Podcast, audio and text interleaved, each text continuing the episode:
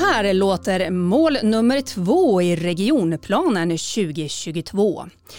Västerbotten är det barnvänligaste länet. Vi har, liksom alla samhällsaktörer, ett ansvar att arbeta för att uppfylla de rättigheter som finns i FNs konvention om barnets rättigheter, barnkonventionen. Alla barn och unga i Västerbotten har rätt till delaktighet, inflytande och trygghet samt få möjlighet till utveckling. Barn och ungdomar ska respekteras och vara delaktiga i beslut som rör dem. Ja, så står det alltså i Region Västerbottens plan för 2022. Men vad innebär då det här? Det ska vi prata om idag. Och med mig i studion har jag regionråd Peter Olofsson, Socialdemokraterna, landshövding Helene Hellmark Knutsson och eh, Erik Nilsson som är regionombud på BRIS i Region Nord. Varmt välkomna till Regionpodden.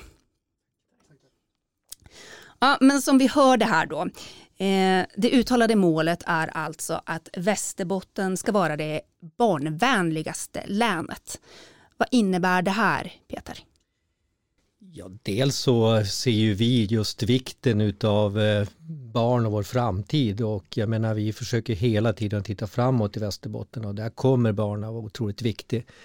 Men det handlar väldigt mycket om också om att det som vi siktar väldigt mycket på, det här förebyggande arbetet. Och, eh, vi har ansvar för hälso och sjukvården och kan inte frånsäga oss det och, och så, men vi måste ändå fokusera på, på, på förebyggande. Och, och, då var här ett sätt att eh, sätta fingret på att eh, det är så mycket mer än bara vård vi ska ägna oss åt. Men det är, det är ju ett väldigt fint mål och ett viktigt mål, men rent konkret, vad innebär det? Att man ska vara det barnvänligaste länet? Ja, det som jag säger, det kommer vi aldrig att klara själv. Det är viktigt att säga. Vi måste vara en kugge i det hjulet som ska smörjas för att vi ska få det att eh, komma framåt. Och det konkreta vi gör just nu det är ju att vi jobbar tillsammans med kommunerna för att ta fram någonting som går under arbetsnamnet ett tiopunktsprogram för barn och ungas uppväxtvillkor exempelvis. Så det, det, det, det är väl det vi siktar på. Sen är det ju självklart så, vi ska följa barnkonventionen och ta fram underlag i våra ärenden och annat. Det, det är ju en, mer en ska man säga, administrativ del i det hela. Men just den här satsningen på det förebyggande och barns uppväxtvillkor, de sträcker sig utanför regionen. Men är ju också så att funkar inte det så får vi problemet. Det, då sitter vi där med att det är vi som ansvarar för vården. Så att just det förebyggande tycker jag är det som är det viktiga i det. Mm. Helena, vad tänker du om ett sånt här mål? Det är klart att det är ett viktigt mål. Det är oerhört viktigt mål och jag tycker ändå att man konkretiserar det lite. Vad det handlar om att få växa upp i trygghet, att man ska få så god hälsa som möjligt och också kunna utveckla sin, sin fulla potential som, som barn. Och jag tänker också på Olof Palmes citat som, som sa det, att det är i barnen som vi ser framtiden växa fram. Och det är därför det är så otroligt viktigt för ett samhälle att ha höga ambitioner kring barns uppväxtvillkor och att de just ska vara likvärdiga, att det inte ska riktigt bero på vilka föräldrar du har. Eh, idag lever vi i ett ganska individualiserat samhälle där allt blir den enskildes ansvar och mycket blir på föräldrarnas ansvar eller lärarens ansvar. Men det är precis som Peter säger, it takes a village to raise a child. Vi måste alla hjälpas åt för att möjliggöra det här målet. På vilket sätt är Länsstyrelsen en del av det här arbetet?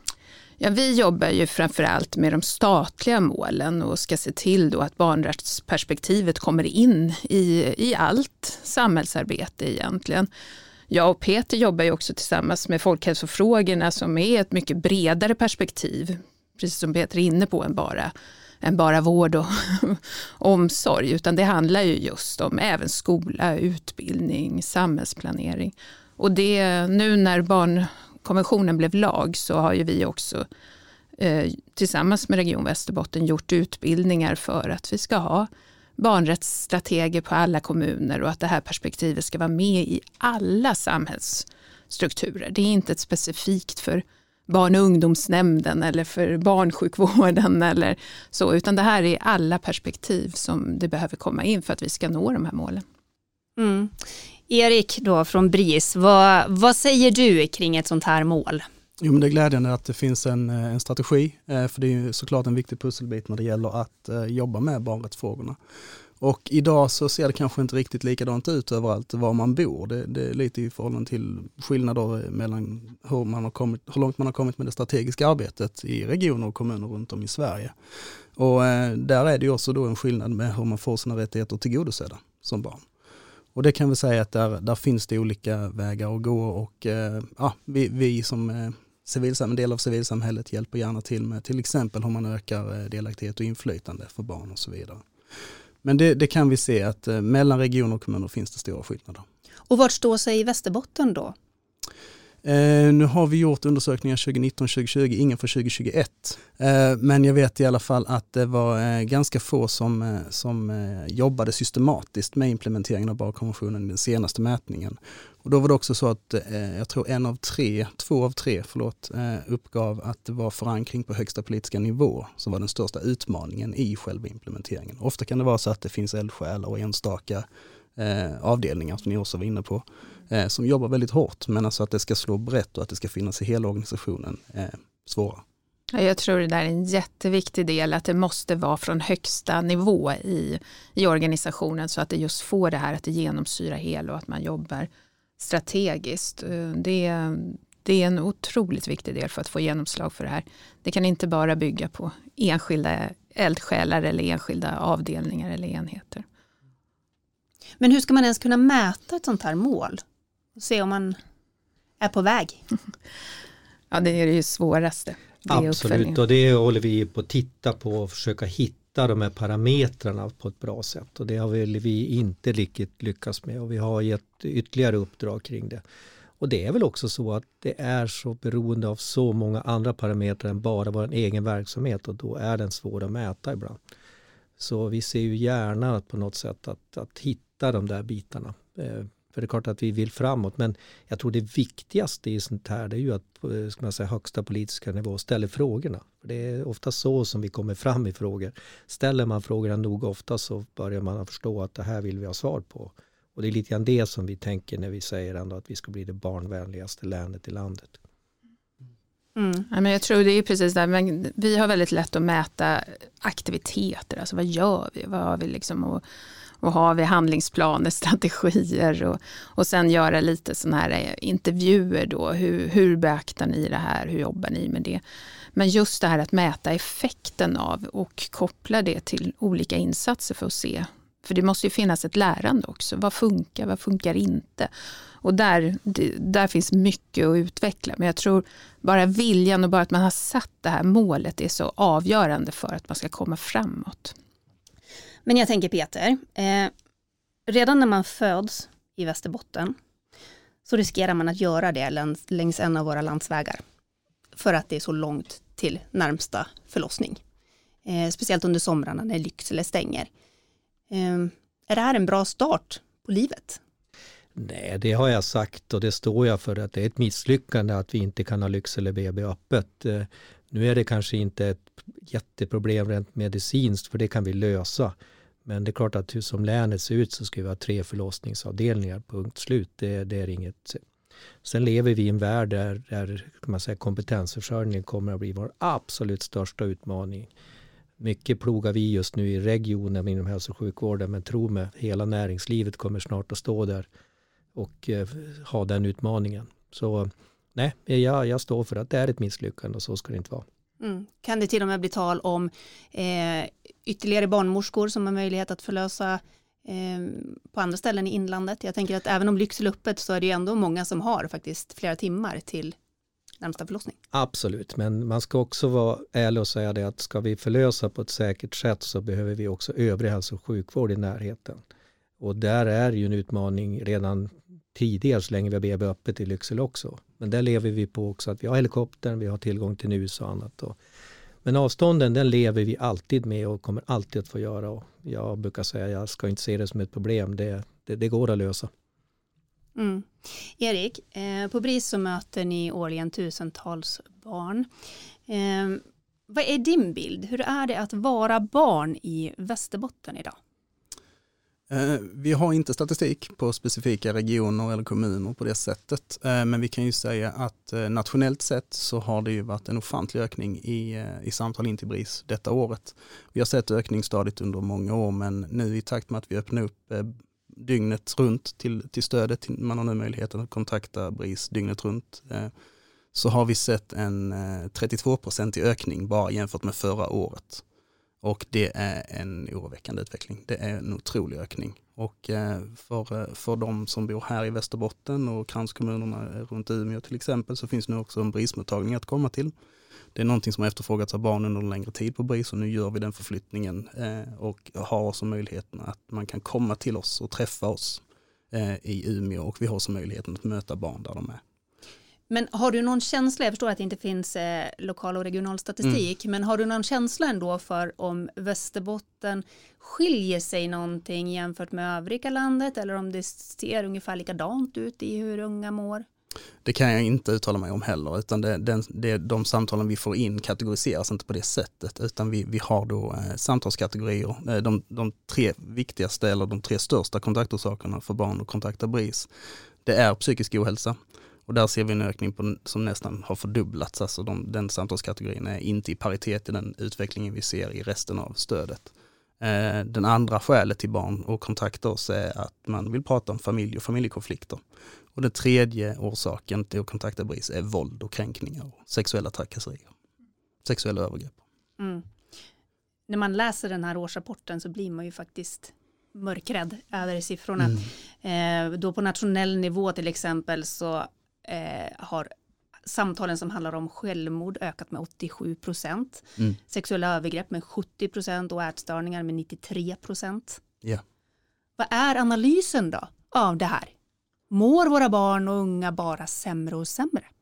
Men vi vet ju att den psykiska ohälsan har ökat. Det finns ju flera undersökningar som, som visar det. Och det. Där handlar det om att se vad orsakerna är. Sen tror jag också att det finns en negativ pandemieffekt. För det har ju vi också sett när vi har följt upp pandemin. att i familjer där man redan har konflikter eller där det redan förekommer våld.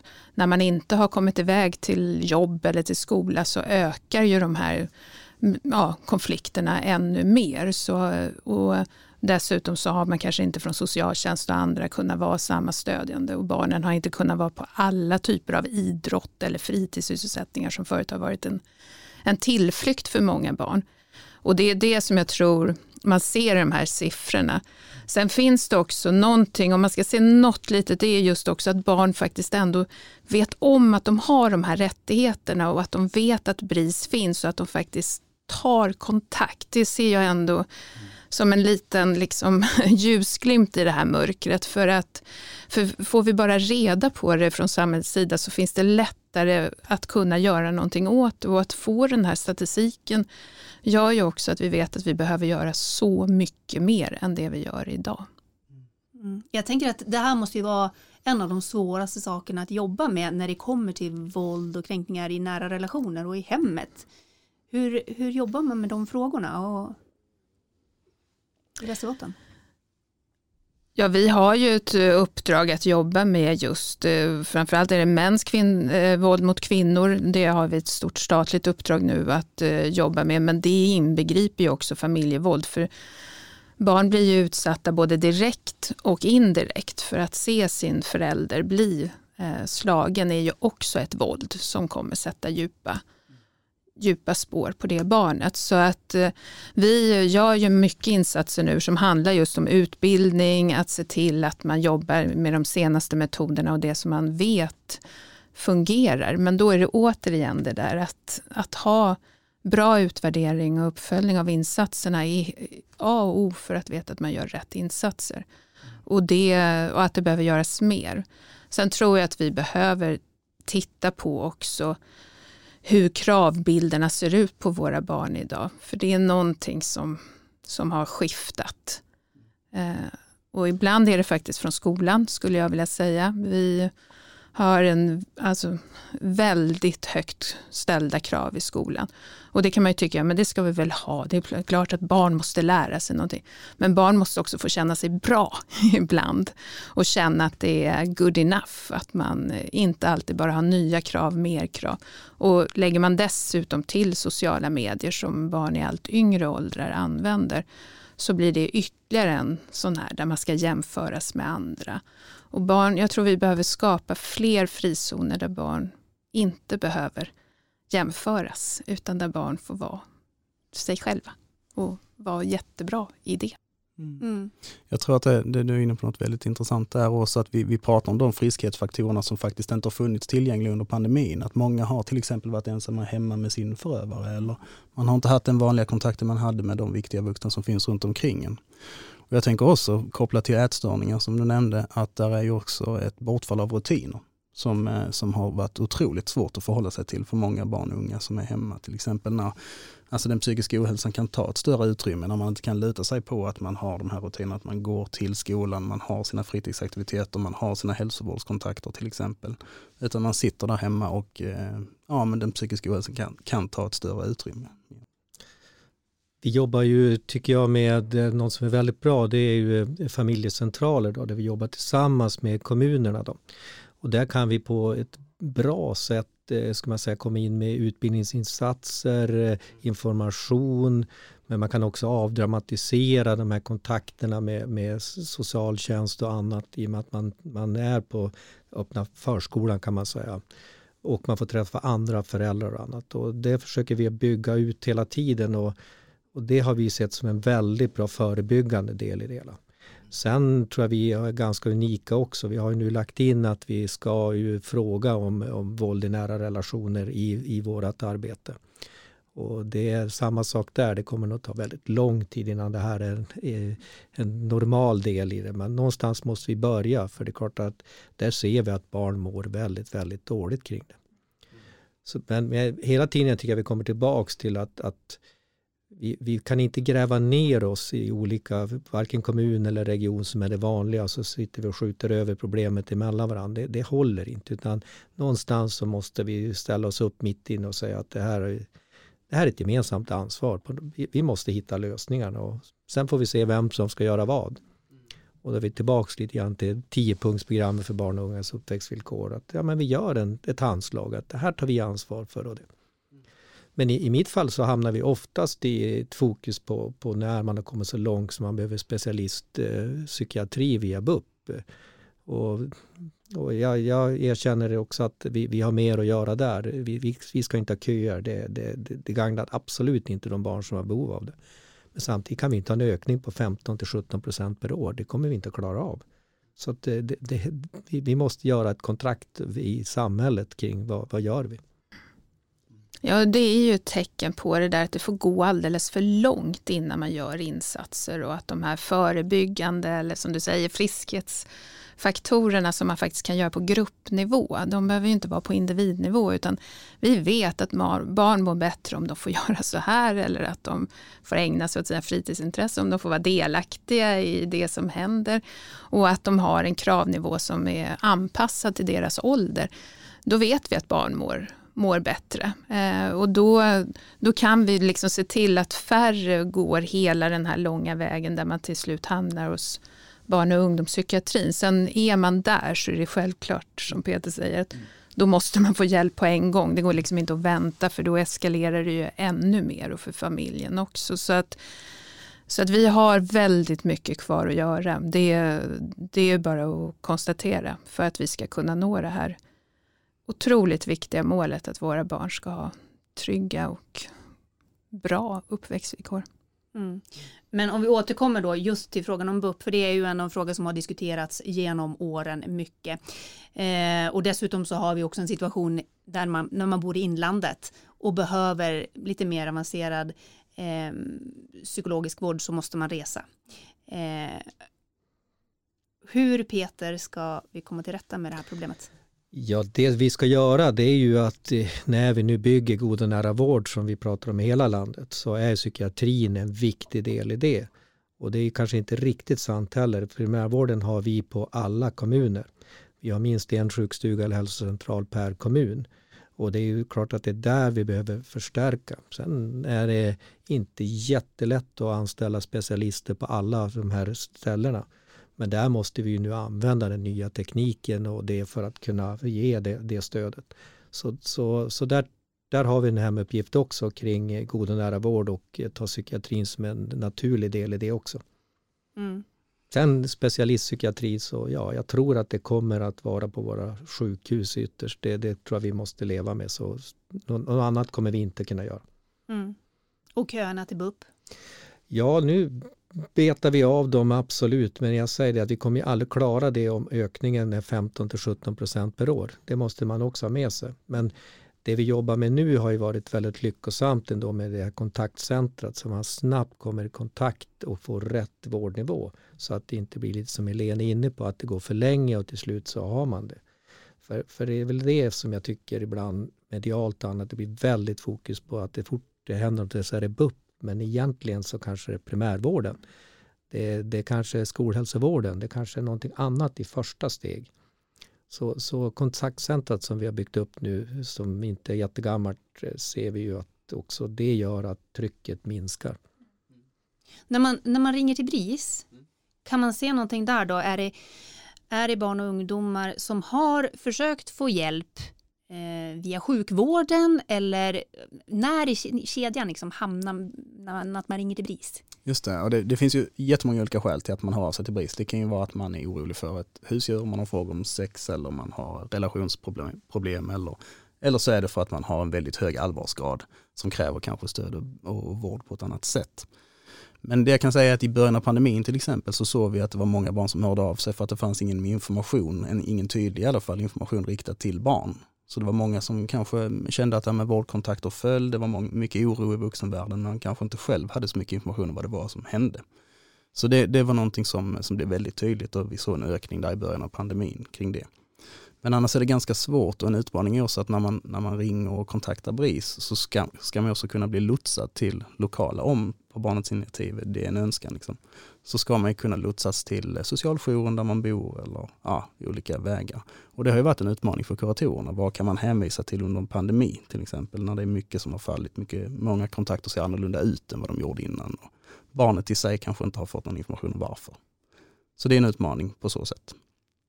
Mm. Eh, sen drygt två år tillbaka så är barnkonventionen lag i Sverige. Har det här gjort någon konkret skillnad för barnen i Västerbotten skulle ni säga? På sikt kommer det att göra det. Eh, det är jag helt säker på därför att det, det, finns nu en mycket tydlig skyldighet att faktiskt ta hänsyn i alla beslut som vi fattar. Att göra eh, en konsekvensanalys av det. Så att jag tror att det här är liksom ett viktigt verktyg. Men det räcker ju inte utan det är ju så många saker som vi har varit inne på här som behöver, som behöver stärkas och behöver hända. Och jag tror pandemin har lärt oss väldigt mycket också om utsattheten. För den har ju liksom, ja men som du är inne på, så har den ju verkligen spett på. De som redan var i ett utsatt läge har fått det liksom ännu lite värre. Och det, det är ju det, det som vi har sett och då förstår man också vikten av att ändå våra barn och framförallt våra småbarn kunde fortsätta att gå i skola och sådär under hela pandemin. I stora delar av världen så har de ju haft det hemskt. Alltså man pratar ju om förlorade generationer för att de inte har kunnat gå i skolan på grund av att få hårda nedstängningar. Så jag tror vi har lärt oss mycket av det som vi behöver ta, ta med oss nu framåt eh, i det. Men också det som Peter är inne på, att vi har också lärt oss att det går att göra mer digitalt. Eh, för att nå fler. Och det tror jag också är en sån där viktig sak, att det inte alltid behöver vara det är, det är viktigt med att skapa relationer av fysiska träffar men det går också att få en kontinuitet till exempel i en vårdinsats genom att följa upp det digitalt även om det initiala kanske behöver vara en fysisk träff. Mm. Hur märks det i regionens arbete Peter?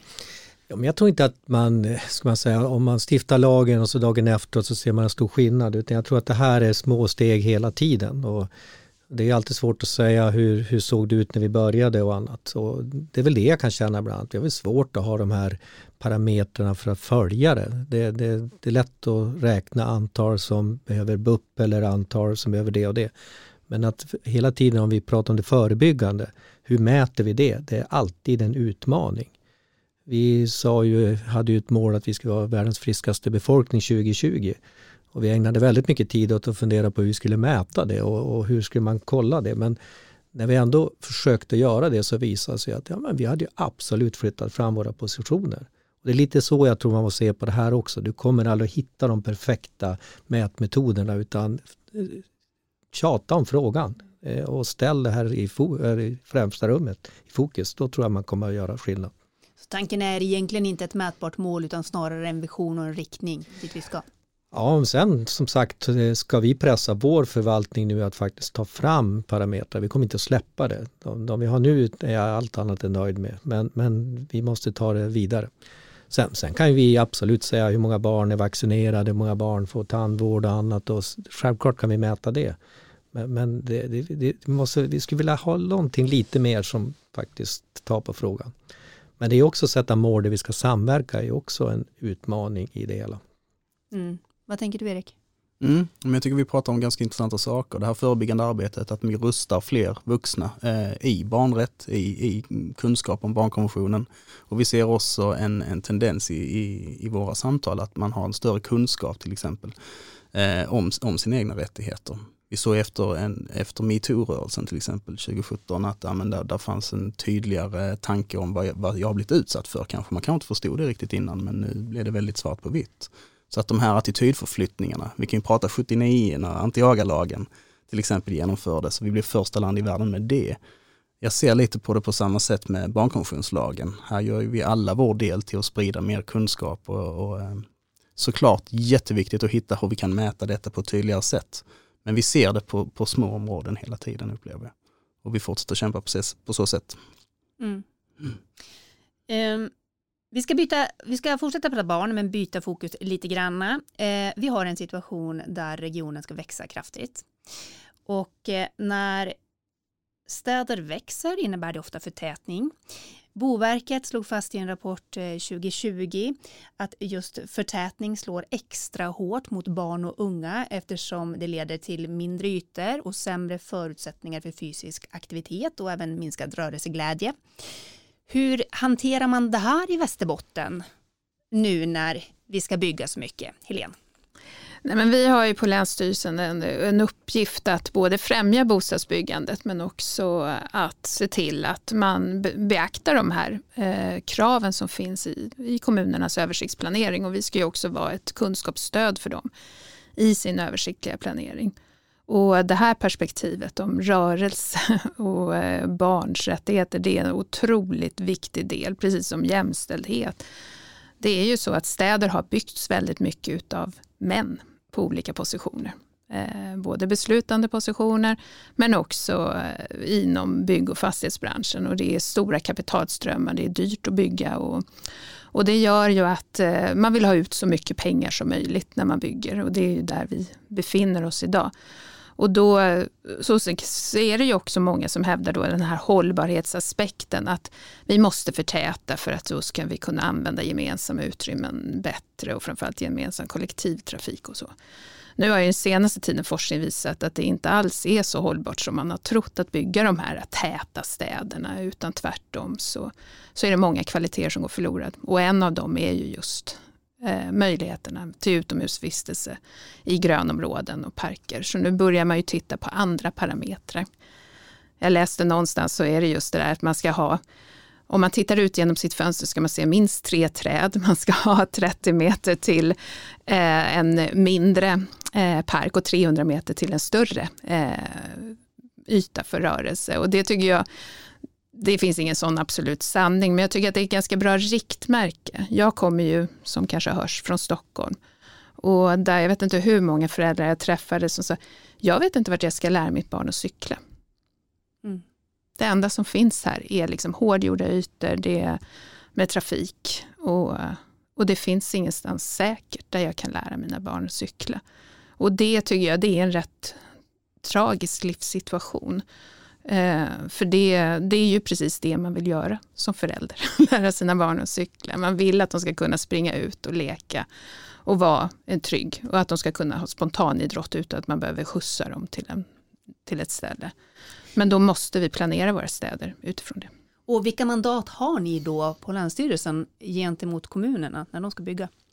Nej, men vi har inte så, vi, det är ju många som tycker att staten har alldeles för mycket synpunkter på när det byggs. Vi har ju riksintressen och kulturmiljövård och så, men, och strandskydd. Men i övrigt så har inte vi jättemycket utan det här handlar ju om ett samspel och kunskapsuppbyggnad tillsammans med kommunerna för det är de som sitter på planmonopolet.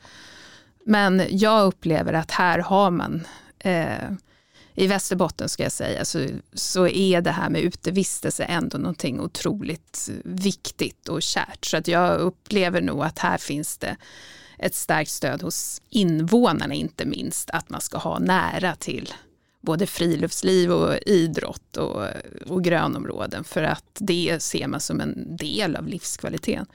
Och det tror jag också är viktigt om vi ska växa nu. Eh, så säger man att Norrbotten och Västerbotten kommer behöva växa med ungefär 100 000 människor de närmsta 15 åren. Och ska vi vara attraktiva så tror jag inte det är att erbjuda samma sak som finns i Stockholm utan det är just att kunna erbjuda den här härliga kombinationen av ett gott serviceutbud oavsett om du bor i stad och land men med möjligheter till att få ihop ett helt liv där du mår bra och inte minst där dina barn mår bra. Mm. Barnen ska ju även inkluderas i allt som berör dem enligt barnkonventionen. Eh, och det innebär då också medver medverkan i stadsutveckling. Hur delaktiga är barnen i Västerbotten i stadsutvecklingen undrar jag? Det är en bra fråga som man bör nog ställa till kommunerna väldigt mycket. Men jag skulle ändå vilja lyfta upp Umeå kommun eftersom de nu har blivit nominerade till ett planpris därför att de har gjort ett omfattande jobb om sina stadsdelar, hur invånarna där ser på sina stadsdelar och vad som behöver utvecklas. Jag vågar inte säga hur mycket barnen fick vara med i det, men jag tror att de fick vara med en del i alla fall i de här dialogerna. Och det tror jag är väldigt viktigt att stadsplanering sker mer i dialog med de som faktiskt bor där. Men det är väl också viktigt att, att lyfta fram och eh, säga så här, det är inte bara bygga en stad utan man ska bygga ett samhälle. Och där tycker jag ju att vi pratar ibland väldigt lite om föreningslivet. Både idrott och kultur och andra delar kommer att vara otroligt viktigt för att vi ska vara attraktiva. Och Västerbotten är ju känt för att vara ett väldigt eh, föreningstätt län. Och det ska vi vara stolta över men det är ju inget vi får för självklart utan här måste vi ju hela tiden värna det också. Och det är ju en viktig del, bland annat utifrån de stöd som vi ger från regionen och stå upp för att, att, att det är viktigt med, med föreningsliv eh, för att vi ska kunna vara ett, ett helt samhälle. Jag menar, vi ser ju idag eh, någonting som vi är väldigt oroliga för när barn inte har eh, idrottat exempelvis i den omfattning man gjort tidigare. Det är en generation som nästan är borta och risken att de inte kommer tillbaka. Så Eh, man har inte tagit del av barnkultur exempelvis i den omfattning man gjort tidigare. Så där har vi gått in med extra resurser ändå för att försöka inom det här, inom det här året i alla fall försöka komma tillbaks igen. För, för, för det tycker jag ibland så, ja, det, det, blir väldigt, och det är viktigt absolut. Och vi ska ha blandade boendeformer och annat, det, det står jag för absolut. Men, men jag, jag tycker ibland att vi försöker också bredda det där.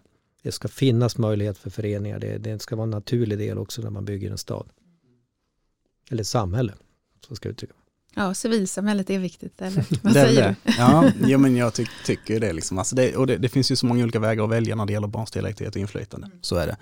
Eh, men alltså, jag skulle vilja säga, men dels så finns det ju Unicef som har bra metodunderlag. Vi på BRIS har en, en ganska så tydlig metod och ett verktyg egentligen som vi kallar expertgrupp barn.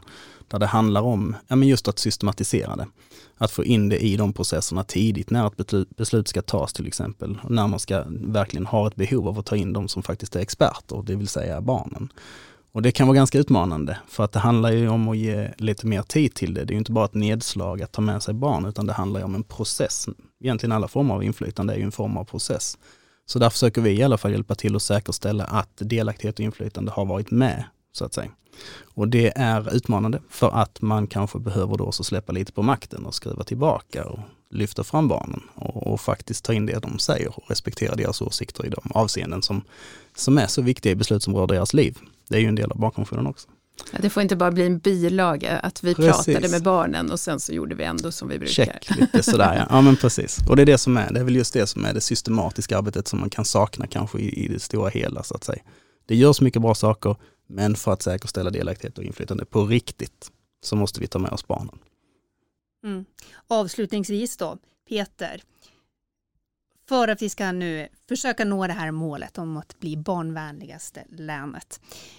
Vad behöver göras? Vad är det närmsta du ska göra för att ta ett första steg mot det här? Ja, det första vi gör det är att vi ska kroka arm framförallt med kommunerna. Vi ska starta där och säga det att eh, nu gör vi en överenskommelse att vi gör det här och ni gör det här och det ska mynna ut i att vi faktiskt får en bättre uppväxtvillkor. Det tror jag är det viktigaste och då sätter vi frågan på agendan på 16 olika fullmäktigeförsamlingar i, i den här eh, länet. Och, mm, så, så det tycker jag är en del och ligger absolut rätt i vår tanke kring också det här med att för, ha förebyggande arbetet.